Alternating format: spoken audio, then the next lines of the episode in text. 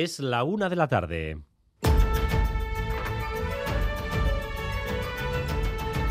Crónica de Euskadi con Dani Álvarez.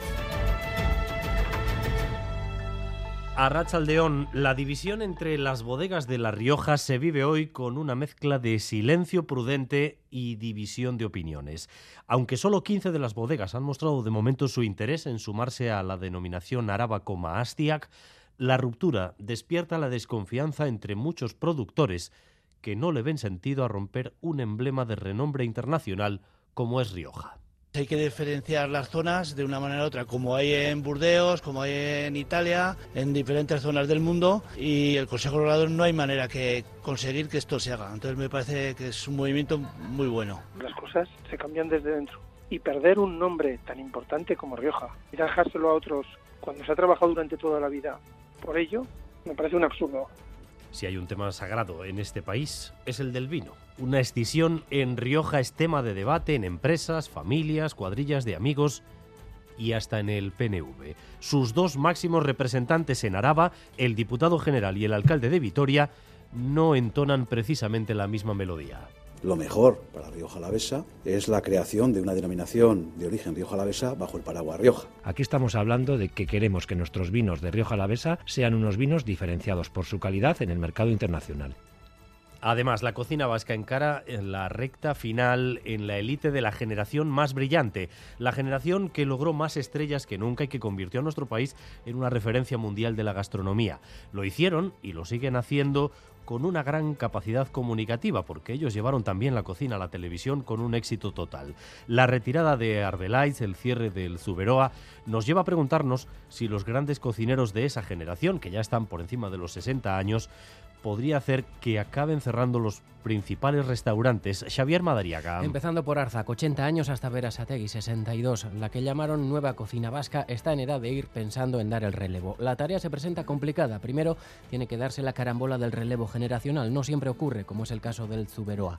Además, ¿quién quiere hoy sacrificar todo lo que sacrificaron ellos, que dieron sus vidas en los fogones? Por no hablar de la inversión de vértigo que tendría que hacer alguien con talento dispuesto a dar continuidad a uno de los grandes nombres de nuestra gastronomía. Enseguida lo analizamos todo con los chefs Martín Berasategui, Elena Arzac y Ramón Roteta. El precio de la energía se reduce. Hoy, de hecho, tenemos uno de los precios más bajos desde que se inició la crisis energética.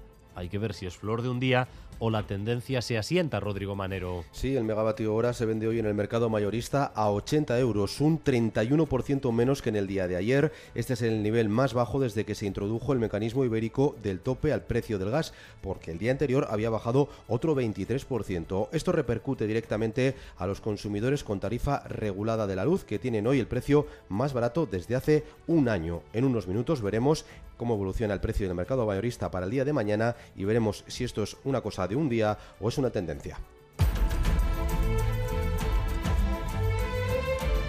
Hoy se conmemora el Día contra el Cáncer de Mama, un tumor con cada vez cotas más altas de supervivencia, salvo en el caso del metastásico.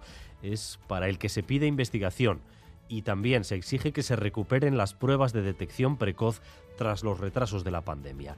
En Radio Euskadi, hoy la voz a estos mensajes la han puesto las mujeres que pasaron o pasan por un cáncer de mama. El cáncer evidentemente es una palabra que te paraliza, pero hay que conocerse, hay que saber esto, esto no lo tengo, esto no lo tenía y ir con las personas que saben. 16 eh, sesiones de quimio, 33 o 34 tuve de radio, bueno, los anticuerpos, el Herceptin y luego la pastilla hormonal, 5 años.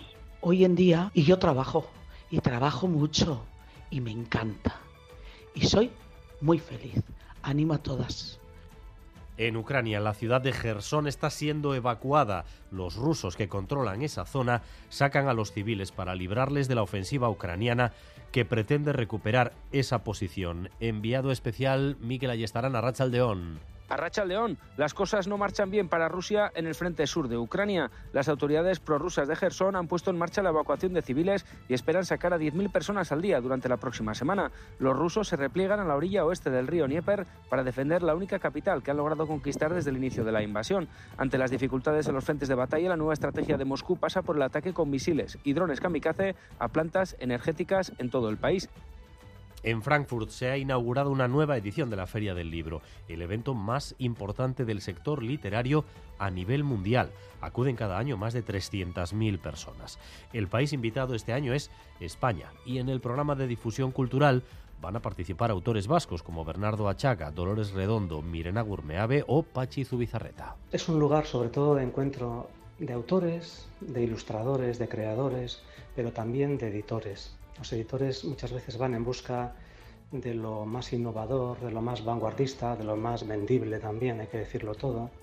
Incluso los editores eh, de Euskal Herria van allí a buscar originales, eh, lo que se está comercializando a nivel mundial Vamos también con lo más destacado del deporte, con Álvaro Fernández Cadierno. Arrachaldeón, Álvaro. Hola, Arrachaldeón. Hoy tres citas, además importantes. Fútbol, la Real recibe a las 8 al Mallorca, con mucho en juego. Una victoria ante los Baleares les colocarían en puestos de Champions. Sería la octava consecutiva entre Liga y Copa. Y también en baloncesto, dos partidos a seguir. Euroliga, 8 y media, Basconia Estrella Roja Liga Femenina, 7 de la tarde, Araski Guernica. En cuanto al tráfico, atención en estos momentos en la AP1, en Legutio, sentido Vitoria-Gasteiz, donde un camión averiado ocupa parte de la carretera. AP1, Legutio, sentido Vitoria-Gasteiz. Y en cuanto al tiempo, pues vamos a continuar con ambiente bochornoso y de viento sur. Eso sí, las nubes irán a más y se podría registrar algún chubasco aislado, especialmente en el este de Navarra. Recordemos además que nos encontramos en aviso amarillo por riesgo de incendios forestales en Vizcaya y en Araba.